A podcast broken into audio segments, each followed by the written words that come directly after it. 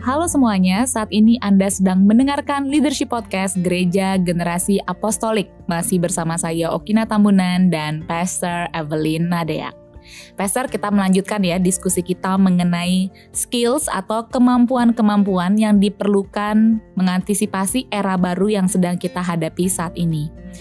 Yang sedang akan kita bahas adalah mengenai keterampilan berorientasi kepada pelayanan. Kepada servis Ya, service. Ini cocok sekali sih dengan apa yang kita pelajari dan saya sangat belajar dari Tuhan Yesus tentunya tertulis di Injil I come to serve not to be served. Ya saya kalau mau kilas balik ke belakang saya besar sebagai seorang anak yang ya namanya anak-anak ya maunya tuh fokus kepada dirinya sendiri apa yang bisa aku dapatkan apa yang bisa aku terima um, apa yang bisa aku peroleh. Kalau bisa akulah yang menjadi bintangnya atau uh, spotlightnya. Uh, as Dan, a child kita grow up seperti itu loh. Yeah. Uh, you are the center of the universe. Yeah. Pusat galaksi. Betul. Dan itu itu membuat saya menikmati sebagai seseorang yang berhak mendapatkan pelayanan atau mendapatkan perhatian dari orang-orang. Namun akhirnya saya mengalami clash begitu saya lahir baru, terima Yesus dan punya hati yang baru, tapi kan masa lalu dan dari mana kita berasal itu semua masih tetap mempengaruhi. Apalagi masuk dalam posisi kepemimpinan untuk bisa mempersenjatai pemikiran saya that I come to serve, not to be served itu nggak mudah karena saya perlu mendahului kepentingan orang lain daripada kepentingan saya sendiri. Awalnya itu sulit sekali karena saya perlu memikirkan orang lain dulu sebelum saya. Tapi ya sekarang puji Tuhan akhirnya saya sudah mulai luas dan itu bisa naturally saya bisa mendahulukan orang lain daripada kepentingan saya sendiri. Dan um, dalam proses pendewasaan ini ya saya melihat ternyata inilah bagaimana saya mempraktekkan kasih yang sesungguhnya. Melihat orang lain itu berharga, bukan mengenai dirinya saya. I think that's the uh, the leadership is. Nah, coba Pastor juga bisa share juga Pastor uh, pengalamannya Pastor sebagai seorang gembala ya. Kayaknya gembala itu um, sebuah panggilan yang mulia, saking mulianya sampai memberi, memberi dan memberi untuk domba-dombanya. Mengenai seorang gembala dan seorang um, pekerja bayaran, bayaran, pekerja bayaran. Karena seorang gembala itu memberikan nyawanya untuk menjaga domba-dombanya. Jadi kan pelayan itu dekat sekali dengan panggilan sebagai seorang gembala. Itu dinamikanya dalam hidupnya pastor seperti apa? Uh, pertama kali Tuhan approach saya mengenai panggilan penggembalaan ya. Uh, di mana waktu itu pikiran saya life is somewhere else there is a good life somewhere else somewhere else gitu ya. Uh, rather than continuing atau melanjutkan apa yang founder gereja kita telah kerjakan gitu ya. Uh, setelah berulang kali mengelak kemudian satu kali dia approach saya dengan pemikiran bahwa it's a noble calling ya bahwa apa yang dia akan taruh di saya itu adalah a noble calling. Nah, menarik sekali dia gunakan kata noble. Saya ingat banget gitu the, the way he convey the idea to me adalah noble. Itu kan artinya uh, ini adalah uh, apa pemikiran yang mulia atau pekerjaan yang mulia. Uh, melanjutkan apa yang telah dimulai oleh orang tua rohani kita adalah sesuatu yang mulia gitu kan. And he touched me deep in my heart ya pada saat itu. Dan uh, as I reflect to the Bible uh, di situ ada dialog yang uh, apa ya sangat-sangat uh, kalau mau dibilang ini sangat nembus ke hati gitu ya.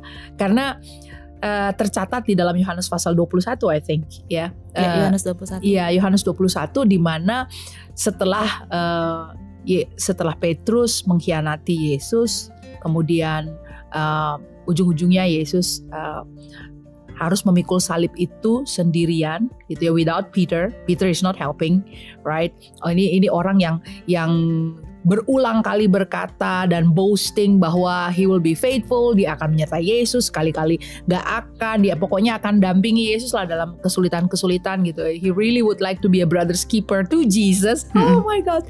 Nah, dan waktu waktu Simon Petrus ngomong itu pastor tuh deket sekali dengan kejadian dia akan menyangkal Yesus loh. Right, right. Wow, langsung diujinya Langsung dalam waktu diuji, dekat. ya, iya. Hmm. Jadi ya makanya kita mesti nggak boleh jumawa ya ngomong bahwa kita akan jadi sister keeper atau brother keeper karena kemudian when you are faced with the reality gitu tetap nggak gitu kan. Nah anyway dia yang berkomit bahwa uh, kalau sekali-kali Yesus tidak akan mati, sekali-kali kalaupun dia di penjara dia akan ngikut ke penjara kan things like that gitu. Lalu pada kenyataannya tidak demikian gitu ya. Dan uh, Yesus akhirnya mati. Namun tiga hari berikutnya setelah dia bangkit, you know, uh, he was looking for Peter. He was looking for Peter. Dan the encounter with Peter itu adalah waktu mereka ada di pinggir danau ya dan Kembali melakukan ya waktu Peter profesi melakukan sebelumnya. profesi sebagai seperti saat sebelum, dia Sebelum dia dipanggil, dipanggil. ya oleh Yesus untuk menjadi pengikutnya Uh, dan orang-orang mengikuti dia so he is a really an influencer, influencer. dan dia lagi menangkap ikan dan hari itu dia nggak dapat apa-apa dan and then Jesus was there di pantai gitu ya dan di situlah uh, Jesus was there di pantai dan tahu bahwa mereka nggak nangkep ikan. Dan dari a miracle di mana mereka akhirnya bisa menangkap ikan. Tapi bukan ikan itu juga yang kemudian dibawa dan dipersiapkan gitu ya. Karena begitu uh, Petrus kemudian berenang menuju pantai menemui Yesus di pantai itu ternyata the breakfast is already prepared gitu ya. Sudah sudah ada grill fish di situ gitu kan. Jadi bukan ikan yang dia tangkap itu yang dibawa ke pantai tapi Jesus already prepared the breakfast for him. And this guy obviously mungkin ya pastilah dia merasa aduh kira-kira apa yang akan diomong ya because aku mengkhianati aku menyangkali engkau tiga kali until you die kita belum ada omong-omong are we okay? Kan gundah gulananya begitu ya. And now here you are you found me doing the thing that I supposed to left behind. Kan gitu kan to leave behind. Aku kok ngerjain lagi hal yang mestinya aku tinggalin. Waduh kayak ketangkep basah. Jadi there's a lot of things yang unsettled gitu loh. Iya, pasti Ah. pasti itu yang dia dalam rasakan. kondisi unsettled itu in front of him itu bukan catatan-catatan nih. Lu lu pernah ngomong ini ya lu pernah nggak begitu. Di depannya dia tuh makanan yang warm gitu makanan yang hangat. Ini dia diundang makan. Oh man kalau jadi kalau ngomong service di servis bener-bener loh dia. ini di servis kan? Jadi dia tidak diperhadapkan pada kursi penghakiman atau diajak rekenan hitung-hitungan. Enggak loh. Dia, di- dia dikasih sarapan gitu. An approach gitu kan? Nah jadi Jesus make sure dia kenyang dia calm udah tenang then that's a talk. Oke jadi kalau udah saya tuh kadang-kadang kalau mau ngomong-ngomong penting gitu dikasih makan, saya pikir gue dikasih makan enak kira-kira after this topik pembicaranya apa gitu ya. Kadang kita bisa juga baca-baca Biasanya situasi semakin gitu ya nikmat semakin ada berat. yang lebih penting gitu loh. Jadi Jadi servis itu menentukan ya, konten apa yang sedang akan dibicarakan. eng ing eng gitu kan begitu kopi abis makan gitu kan. Oke, you would like to have coffee? Nah, coffee and dessert. Oke. Kira-kira topiknya apa nih? Eh, tapi Because emang more sebegitu Yesus meng- menghargai Petrus ya Pastor ya. Makanya Iya. itu servis yang diberikan Right, kepada right. Petrus. Jadi kan eng ing eng ini topiknya apa? Iya. Oke. Dia udah persiapkan diri juga ya kira-kira apa nih? Ah, ternyata yang ditanya adalah ah, do you love me? Loh. Ini maksudnya apa gitu kan? After all the failure, setelah setelah pengkhianatan, setelah dia balik lagi kehidupan dia yang lama, kok nanyanya tuh, do you love me? Ini kira-kira mau ke mana ujungnya gitu kan? Do you love me? Gue jawab apa ya? Ah, Alkitab mencatat dia berkata, yes Lord I love you. Sekalipun tidak pada kapasitas yang sama ya. Lalu pertanyaan pertama dia bilang, oke, okay, feed my sheep, gitu kan, kasih makan domba-dombaku. Pertanyaan yang kedua, do you love me? Ya, yang ketiga lagi, do you love me? Saya belajar dari Steve Murrell, uh, founder of Every Nation. Dia bilang kalau Alkitab sampai nulis lebih dari satu kali, itu bukan karena Tuhan lupa atau itu bukan karena ada space kosong yang mesti diisi sama kata-kata jadi karena kekurangan ya ditambahin lah dibikin lah diulang dikatakan pengulangan kalau Evelyn mengulang it could be because I need to remind you gitu ya or something remind kalau ada orang mengulang ke saya mungkin saya yang perlu diingetin gitu lah because saya bisa lupa gitu kan tapi Tuhan tuh tidak pelupa kalau dia sampai mengulangin dua kali tiga kali he really want to catch your attention either itu adalah kalimat pertanyaan ataupun mengulang kejadian ya Pastor. Iya. Karena kan Ini- untuk ini- dia mendapatkan ikan lagi hari itu sebenarnya Yes. dia pernah alami. Right. Hmm. Itulah kali pertama perjumpaan dia pertama kali dengan Yesus yang bikin dia terpesona, tersepona. Ya ampun, sampai hari itu bilang, "Aduh, mesmerize banget kan dia kali pertama dia ketemu Yesus Sampai Lagi- meninggalkan segalanya. Iya, Hmm. lagi apes-apesnya terus tiba-tiba ditolong Tuhan gitu kan. And lalu fast forward tiga tahun lewat lebih gitu kan dan dia ada di tempat yang sama dan dia apes lagi pada hari itu dalam kondisi dia meninggalkan panggilannya kok kayak berulang? Dan pertanyaan itu tiga kali lalu kejadiannya juga berulang. What is it? Gitu loh. He re- God really want to catch his attention. Dan pertanyaannya adalah do you love me? Jadi bukan penghakiman bukan apa-apa gitu loh. Dan atas dasar jawaban itu kemudian eh, respon dari Yesus adalah terhadap I love you. Yes Lord. Gitu kan. Ah, ujung-ujungnya sih dia nyerah dia bilang ya you know lah Tuhan. Dan Tuhan katakan feed my sheep bayangkan bahwa itu kan kita ngobrol ya Ki kita bilang saya kita berdialog dan waktu itu kita sampai ngobrol uh, wow untuk panggilan yang mulia ternyata job interviewnya adalah do you love me Everything is hanging on that word that I love you. That's the job interview untuk panggilan yang mulia itu basisnya itu. Iya, makanya kita bilang the greatest interview ever ya di Yohanes Right. 21. Right. Betul. Untuk sebuah panggilan simple tapi itu kan terkandung banyak hal Yes. dalam menjawab pertanyaan itu. Do you love me aja gitu loh. Dan tidak hanya mengenai eh, catatan di Yohanes 21 ya Pastor. Pastor ingat nggak kita juga pernah waktu itu berdialog mengenai di Yohanes 13 waktu Yesus membasuh kaki murid-muridnya. Itu kan juga act of service juga yang kita lihat dari seorang Yesus. Dia Tuhan pencipta alam semesta, pemilik hidup kita, namun mengambil tempat yang rendah. Pada saat itu ya itu adalah pekerjaan seorang hamba untuk membasuh kaki Ya. di konteks eh, kehidupan Yesus saat itu. Namun malam sebelum Yesus em, ditangkap itu yang dilakukan kepada murid-muridnya.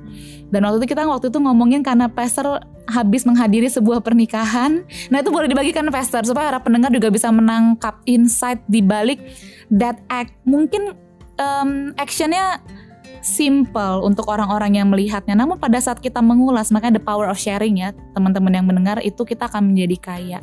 Ya, eh, separately dari pernikahan memang itu adalah sesuatu yang kita bagikan dalam kelas-kelas kepemimpinan kita ya, bahwa the act of serving one another ya, kita membasuh kaki gitu ya. Namun satu kali waktu saya melakukan pemberkatan pernikahan, pagi itu waktu saya lagi persiapan kok eh, saya siapkan eh, suratan Rasul Paulus ya kepada jemaatnya Tuhan di eh, Efesus. Bagaimana seorang suami perlu mengasihi istrinya sama seperti Yesus mengasihi jemaat ya dan membasuh dia dengan firman-Nya. Dan dan memang saya sering kali mengutip itu me- me- menunjukkan kepada para calon-calon suami that your act of serving your wife ya me- mengajarkan firman Tuhan kepada istri Anda mempersiapkan dia and really appreciating. Seperti Yesus mengurusi jemaatnya nah tiba-tiba Tuhan ingatkan saya mengenai perjamuan eh, Terakhir. terakhir itu ya.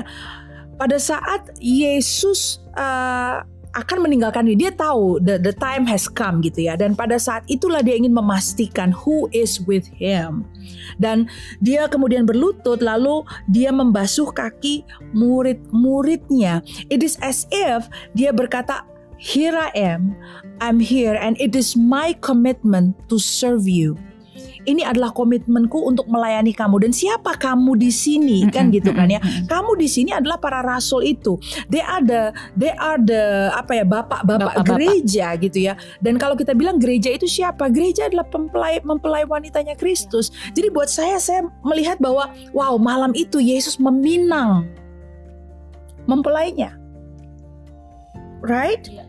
Dan apa yang terjadi? Ternyata a lot of mereka semua tidak tahan. Pada saat Yesus kemudian diadili dan kemudian uh, Itu apa- hitungan jam aja. itu hitungan jam aja. And the, the whole thing ya kan? Pengadilan kemudian uh, dia pikul salib sampai dia mati. Kan semuanya kan uh, setan minta untuk menampi itu kan semuanya. Iya. and none of them actually made it. So apa yang terjadi?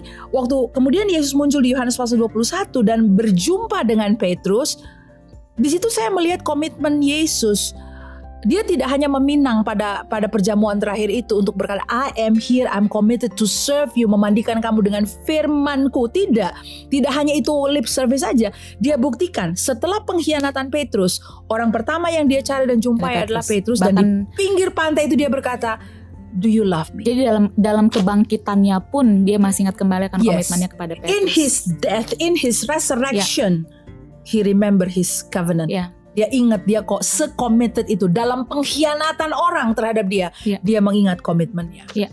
wow dan kita bisa melihat hasilnya dari apa ya kerja keras bapak-bapak pendiri gereja ya pastor atau tidak Injil tidak pernah masuk ke Indonesia right karena kan dari mereka Injil itu akhirnya disebarkan right setelah Yohanes we won't be having a church Betul. kalau mereka semuanya nyerah dan tidak direstorasi kembali oleh Yesus Betul, setelah Yohanes 21 kita melihat a transformed person, Petrus Right. benar-benar berbeda hanya melewati sekian menit interview itu saja dengan Yesus. Ya. And he, he became a Dan transformed ya. person. right Dan hatinya menjadi- berbalik Bahkan saya pernah suatu kali ya Pastor, saya juga mau mengajak nih para pendengar ya. Coba cari bagaimana para rasul itu mati pada akhir hidupnya. bagaimana mereka menjadi martir ya Iya. Mati dan menjadi martir. yes Dan satu persatu saya cari tahu bagaimana matinya itu benar-benar menyentuh hati saya. Sebegitunya kamu melayani Tuhan yang tiga tahun berjalan bersama dalam hidupmu dan mempraktekkan komitmen yang Yesus telah dahulu praktekkan.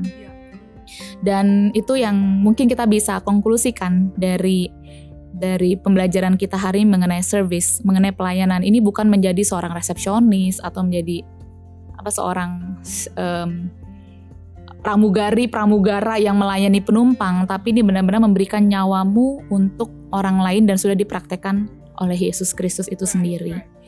Dan ini juga yang membuat saya jadinya menjadi seseorang yang lebih peka juga untuk melayani dan mendahului orang lain dalam kepemimpinan saya. Kita semua orang-orang kita yang egois. dahulukan orang lain ya Ya, kita semua orang-orang egois ya, Pastor. Oh, Kayaknya iya. pengen sekali gitu bersuara, "Hey, kamu juga mengerti aku dong." Pastor pernah gak sih ngerasain kayak gitu juga? yes yes kalau lagi capek tuh biasa Iya. kayak gitu tuh wah Saya pikir benar-benar Pastor artinya luas sekali. oh man Tapi iya kita memilih ya Pastor. in learning mode Even though gitu even loh. though even though yeah Memang sebagai seorang pemimpin pengen juga sih dapat eh, terus perhatian. gue gimana kan Iya. gitu kan Aku gimana? iya Tapi ya pelan-pelan ya semakin kita berinteraksi dengan Tuhan dan menyerap hatinya Tuhan, itu lama-lama akhirnya mulai terkikis lah dan melayani jemaatnya.